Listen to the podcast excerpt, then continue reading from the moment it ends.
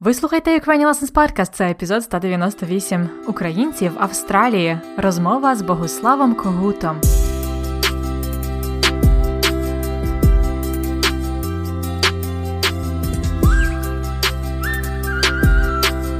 Привіт-привіт! Це Анна і ще один епізод подкасту Уроки української подкасту для всіх, хто вивчає і любить українську мову. І сьогодні, в нашій серії інтерв'ю з українцями по всьому світу, ми маємо дуже цікаву розмову з представником другого покоління в Австралії. Пан Богуслав або Славко Когут розповів е, дуже багато про діяльність українців в Австралії, але також мені було надзвичайно цікаво послухати його мову. Це дуже гарна така так звана мова діаспори. Вона має свої особливості порівняно з українською мовою в Україні. Тому спочатку послухайте інтерв'ю, а потім пропоную вам щось особливе. Я буду давати вам ще раз слухати речення Славка його австралійською українською мовою, і тоді давати вам свої відповідники, як би я сказала ці речення звичайною сучасною українською мовою з України. Має бути цікаво, правда? Але спочатку слухайте інтерв'ю. Вітаємо на подкасті Уроки української гостя з Австралії.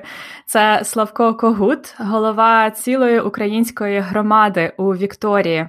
Він президент Асоціації українців у Вікторії. До речі, Вікторія це такий великий штат в Австралії з центром у місті Мельбурн. І наскільки я знаю, там досить багато людей з українським походженням. Добрий день, Славко. Вітаю вас. Добрий день, Анна. Розкажіть, будь ласка, трошки для початку, як ви пов'язані з Україною? Окей, називаюся Славко Когут, але ім'я є Богослав. Мене кличуть Славко. Я народився в 49-му році. Якраз родичі е, доїхали до Австралії, доплили до Австралії е, з Німеччини. Я народився в місті Мельмон, так як ви кажете, в штаті чи області Вікторія. Um, лише пояснити, в Австралії є шість область, і Вікторія є на південному сході, здається, і um, це є другий найбільш, найбільший штат чи область uh, в Австралії. Um, я є, так як ви казали, головою української громади у Вікторії. Ми маємо громади uh, в кожній штаті чи в кожній області в у Вікторії ми приблизно здається так коло 12 тисяч людей з українського походження або подружжя з, українсь, з українцями. Наша громада е, роз, має чотири, чотири філії, так що центр нашої громади є в самому місті Мельбурн. Мельбурн саме є Uh-huh. Таке велике місто uh, порівнянням з деякими в Європі, але тут є десь 5 мільйонів людей. Ми також маємо об... ті філії в uh, місті Джелонг, uh, десь годину їзди від Мельбурну, тоді в Нобель парку, в, в Водонга і в інших місцях. І там є там не, не багато українців, але все ж таки. Um, досить, щоб щоб тримати громаду, і кожна кожна ця філія має свої домівки, але ми стараємося разом працювати як одна громада. У нас в Вікторії громада досить велика і дуже активна, на мою думку. Я не можу порівняти з іншими країнами, але ми маємо um, православну католицьку церкву, Центр церкви в Австралії також є в Мельбурні, ми є в епархії. Ми маємо велику частину української молодечих організацій, тобто пласт і сум. Я не знаю, чи ваші слухачі знають ті організації, але цікаво є, що мій батько вродився в 1920 році в Бориславі. І він вступив е, до пласту. Тоді пласт був дуже новий, і голова е, той той, що почав пласт, був доктор Тисовський, і власне він є цей, що заснував пласт в Україні. Ага, ось так цікаво. Так можна трошечки розказати, бо наші слухачі іноземці, ви можете пояснити, що таке пласт? Пласт є молодеча організація, це так як австралійський скаутинг, власне, він е, побудований на тій самій принципі. Сум є подібна організація, трошки більш політична, але все ж таки е, організація молодих. Ми маємо різні ну, Е, табори, де я не знаю по-українськи сказати, але ми йдемо, таборуємо в лісі, вчимося, як жити, е, жити в природі. Також вчимо їх, як писати українські писанки, uh, спортові uh, ті клуби маємо в тій організації. Так що це така верховна організація для молоді, де вони можуть спілкувати разом і рости разом. І до, досить сильна є. Більшість моїх а, ровесників і моїх товаришів є власне ті, що я з ким я виріс як пластуном в Австралії. Я знаю, що в Україні, в Україні пласт тепер є досить сильний, але у вас є 40 скількись там мільйонів людей, так що 10 тисяч пластунів не є велика кількість, але все ж таки досить сильний. Здається, центр є в Львові. Так, досить активна організація. У мене багато друзів, які беруть участь, брали участь в дитинстві. Можливо, розкажете трошки більше історію переїзду, що вам розповідають е, батьки, що вам розповідали про е, про те, як вони переїхали? А, Ну, батьки ем, під час війни вони втікли з України. Мій батько ем, не, я не скажу бавився, але був е, заангажований в політичнім русі, так що він мусив втече, е, большевики розстріляли його братів і так далі. Так що він опинився в Австрії, а потім в Німеччині. Е, моя мама е, подібно, вона е, з міста Суми, її, її батько Е, був політично активний і засуджений большевиками, і його розвозили від Казахстану до інших міст. Е, так далі. Так що як війна почалась, моя мама втікла і також опинилася в Австрії. Вони там спізнали.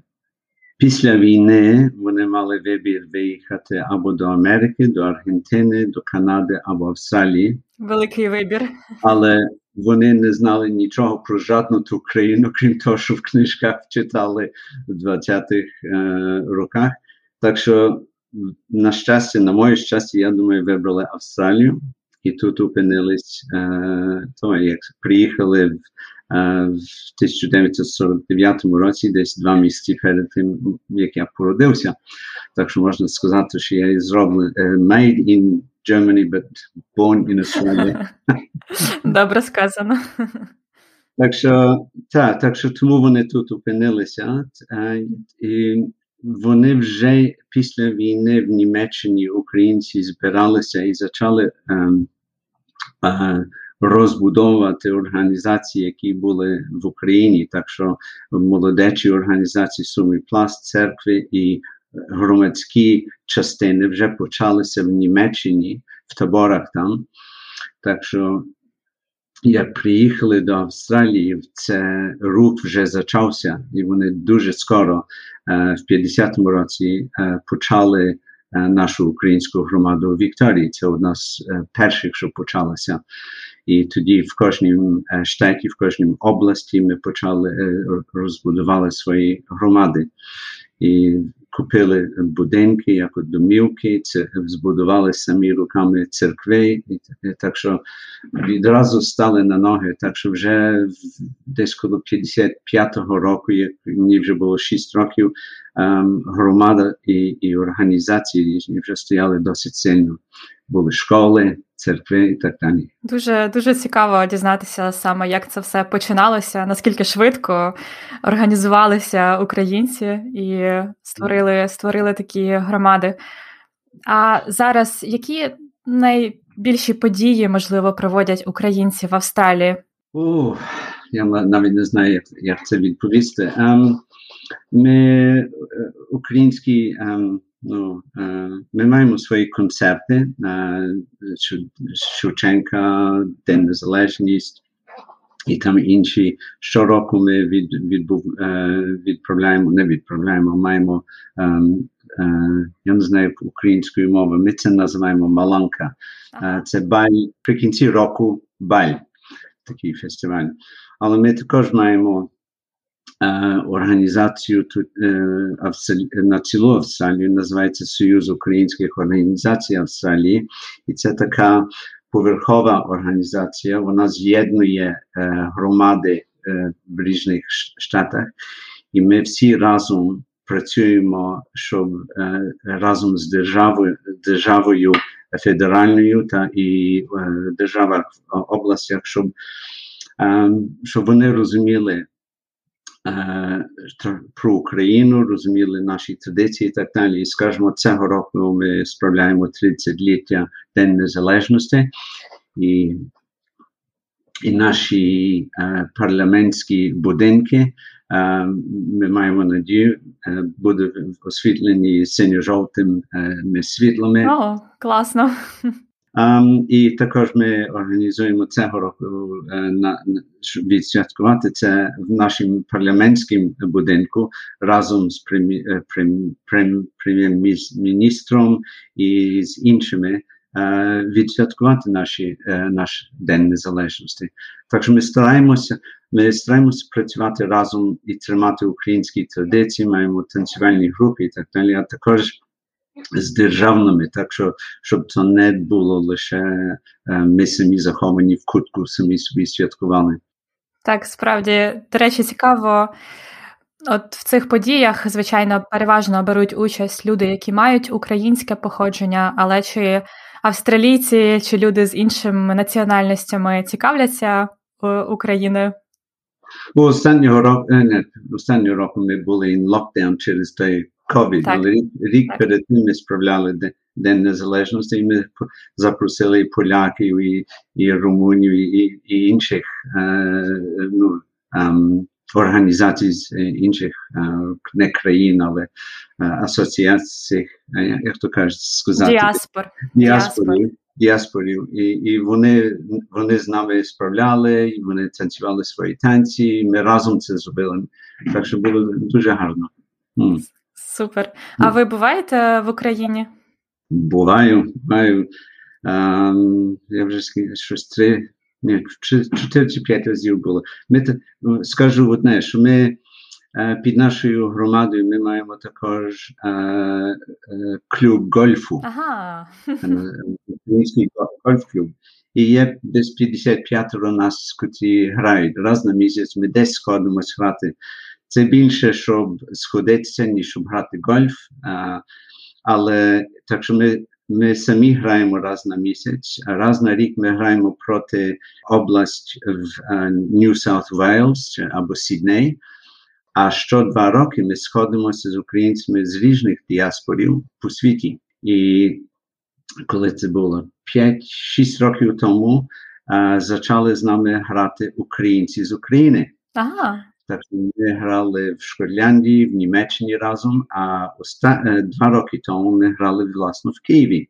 Так що з'їхалися з діаспора е, з Америки, Канади, Англії, Аргентини, е, вже забув ще з Австралії, ще- кілька. І ми всі грали в Києві. І було прекрасно. Супер. А які у вас враження взагалі про Україну, коли ви зараз буваєте там? Мій перший поїзд був на Україну був в 97-му році, і тоді мені було досить смутно з одного боку, бо я бачив, що, що Україна ще не вийшла з совєтського того системи і так далі. І було дуже цікаво, як я, ем, я мав першу ніч, ні- ніч ліг в одному готелі, перевівся до другого готелю там коло Хрещатик і підходжу до, до, до а, записати в той готель, а мені кажуть, а де ваше свідоцтво, де ви спали останньої ночі? О. Ой, Я розумів, в чим справа, але хотів сперечатися, але Це- не сперечався. 97-й рік, правильно? 97-й рік. Ага. Так, так, так що, ні. Але все було гаразд. Ми пішли до там той готель нам дав мені документ, я вернувся назад, і все було окей. Так що мені було дуже таке помічне і смутне почуття. Дуже е, приємно було приїхати, але дивитися на е, як лишилося після святських часів. Було смутно, але тоді, після того, я вже бачу величезні зміни і в Львові, і в Києві, а спеціально в Києві, і і мова, і все. Там тепер ще далі говорять трошки ну, багато по-російськи, але вже в, в тих, я я це називаю склепах, але в е, е, як в склеп там, де продають речі. Як Магазин. Магазин. Магазин. Так. Бо склеп має інше, по, по деякі люди думають, що це склеп на цвинтарі є. Так. Але в магазині Тепер, я, як ми там були два роки тому, то я собі купив сорочки, та повсюди говорили по-українськи, розуміли і так далі. І вже не не сварилися з нами, щоб щоб ми по-українськи стараємося говорити. Але дуже гарно. Міста є гарні, мені дуже подобалось. Супер. Дуже дуже дякую вам за всю інформацію про життя українців в Австралії. Дуже цікаво дізнатися, як там далеко живе велика українська громада і про ваші спогади. Прошу дуже, дуже мені приємно було з вами спілкувати і трошки поговорити. Ем, я би дуже радо, е, власне, з українцями з України говорив, бо я в нас є багато нових, що ми нових нові хвилі чи новоприбулі. Вони приїжджають з різними причинами, і вони не вступляють в нашу громаду, бо вони інакше про громаду думають. І, і я одна з моїх робіт є постаратися їх стягнути разом, щоб ми могли разом святкувати, працювати. І це не є легко, бо е, приїжджають тут з економічних тих е, причин і не дуже мають почуття до громади. Бо є люди в Україні, ви не належите до громади, ви є в громаді. Громада є Україна. Так. А приїжджаєте тут в Австралії, і нараз треба записатися до щось, що називається громада українська. Розумію, у вас цікаво, цікаве спостереження. Дякую вам, що завітали на подкаст, і всього найкращого успіхів у розвитку вашої організації в Австралії. Дякую дуже і дякую за інтерв'ю. Десять корисних речень. Сьогодні в цій рубриці будемо робити щось особливе. У пана Богуслава дуже цікава мова. Це, як ми кажемо, діаспорна мова певний діалект української мови або австралійська українська мова. Він використовує деякі слова та вимову, які вже в Україні змінилися, а в Австралії ні. Можна це порівняти, наприклад, з французькою мовою в Квебеку, в Канаді. Окремо хочу сказати, що українська мова діаспори це повноцінна українська мова, це не якась неправильна мова, чи не така. Вона просто трошки відрізняється від української мови, яка зараз є в сучасній Україні. Це інший діалект. Тому сьогодні пропоную вам переслухати кілька уривків з інтерв'ю, які мають особливості саме цієї діаспорної мови. Ви послухайте ще раз речення, а тоді я поясню, як би ми це сказали в Україні. Ну, принаймні, як би я це сказала. Домовились? Тоді слухайте перший уривок. Називаюся Славко Когут, але ім'я є Богослав. Мене кличуть Славко. Славко сказав: Я називаюся Славко Когут. Це типове представлення в певних е, діалектах. А ми знаємо мене звати, правда? Я називаюся так в Україні майже не говорять. Ми кажемо мене звати Анна Огойко. І далі він каже: ім'я є Богуслав. Ми в Україні також не використовуємо так часто є. Ми просто кажемо ім'я Богуслав. І мене кличуть Славко.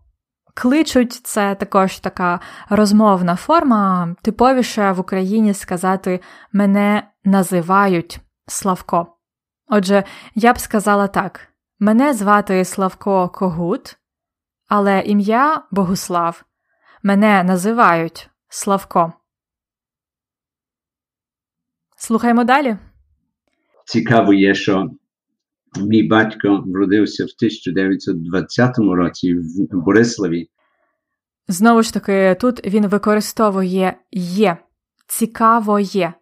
Тоді як в Україні ми зараз переважно не вживаємо є, ми його просто пропускаємо. Наприклад, ми кажемо не я є тут, а ми кажемо я тут. Цікаво, що його батько вродився, він каже. Він вродився в 1920 році. Я помітила, що часто слова діаспортної чи діалектної мови м, такі самі, як е, в нас, але мають інші префікси. Ми в Україні говоримо вже народився, а не вродився. Цікаво, що мій батько народився в 1920 році. Далі Славко розповідає про те, що таке пласт. Пласт є молодеча організація, це так як австралійський скаутінг. Пласт є молодеча організація. Деякі прикметники також мають інші суфікси в українській мові в Україні. Так от ми говоримо в Україні не молодечий, а молодіжний. Пласт це молодіжна організація, так як австралійський скаутинг. Слухаймо далі.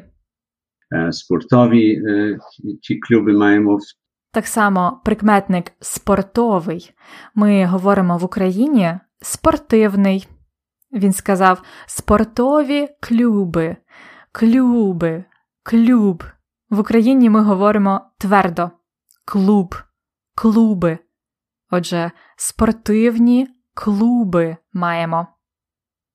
Славко розповідає про причини переїзду його батьків до Австралії. Мій батько е, е, не, скажу бавився, але був е, заангажований в політичній русі. Його батько був заангажований в політичнім русі. Політичнім ім. Це закінчення прикметника в місцевому відмінку є нормальним, але в Україні ми говоримо зараз вже ому. Ми кажемо, мій батько був заангажований в політичному русі. Слухаймо далі. Моя мама втікла і також опинилася в Австрії, вони там спізнали. Його батьки си спізнали або спізналися в Австрії. Ми кажемо в Україні не спізналися, а познайомилися. Вони там познайомилися. Далі Славко розповідав про діяльність їхньої спільноти.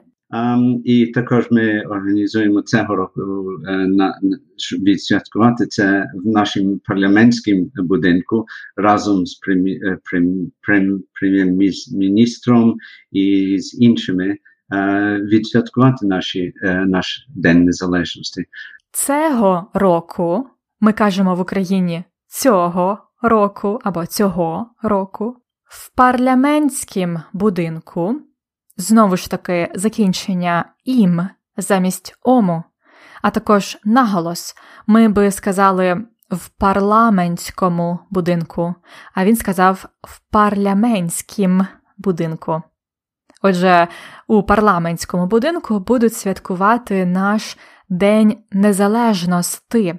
Славко вживає тут старішу форму родового відмінка, яка також правильна, це паралельна форма, але зараз саме в Україні ми рідко кажемо День Незалежності, ми скажемо День Незалежності.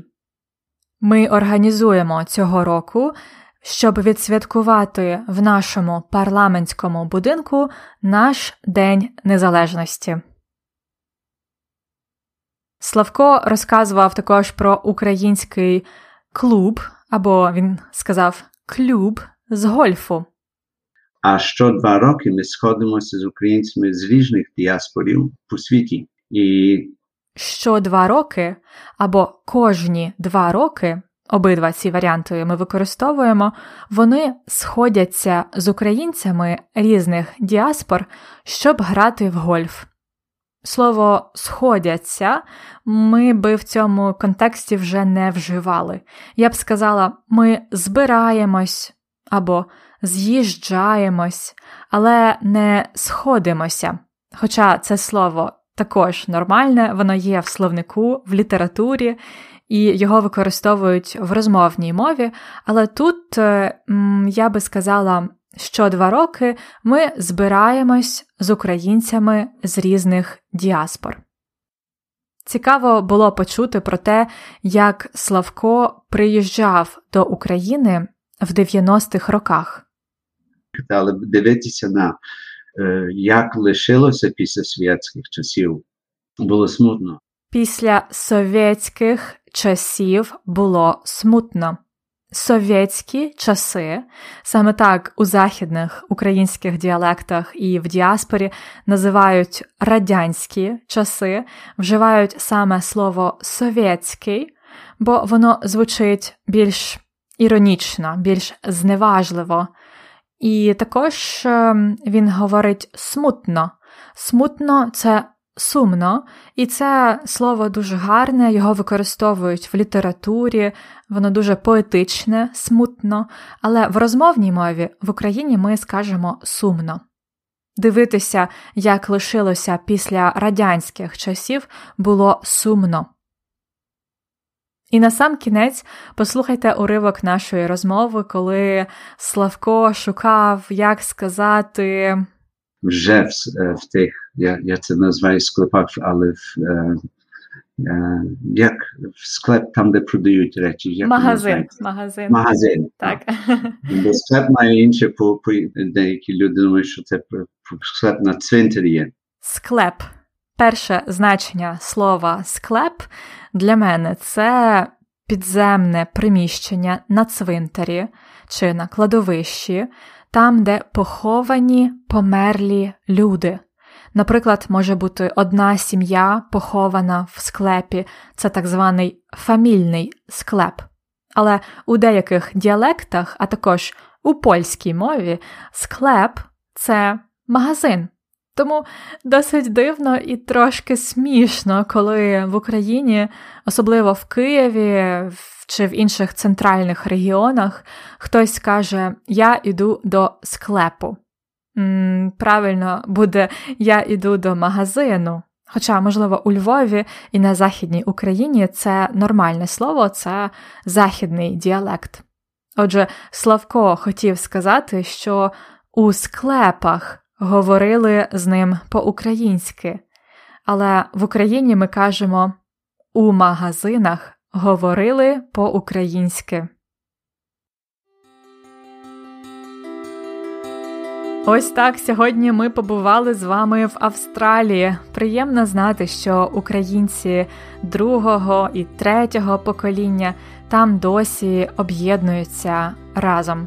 А це було Передостаннє інтерв'ю серії українців за кордоном. У наступному епізоді остання розмова і остання країна. Як ви думаєте, звідки буде ця людина? Спробуйте вгадати.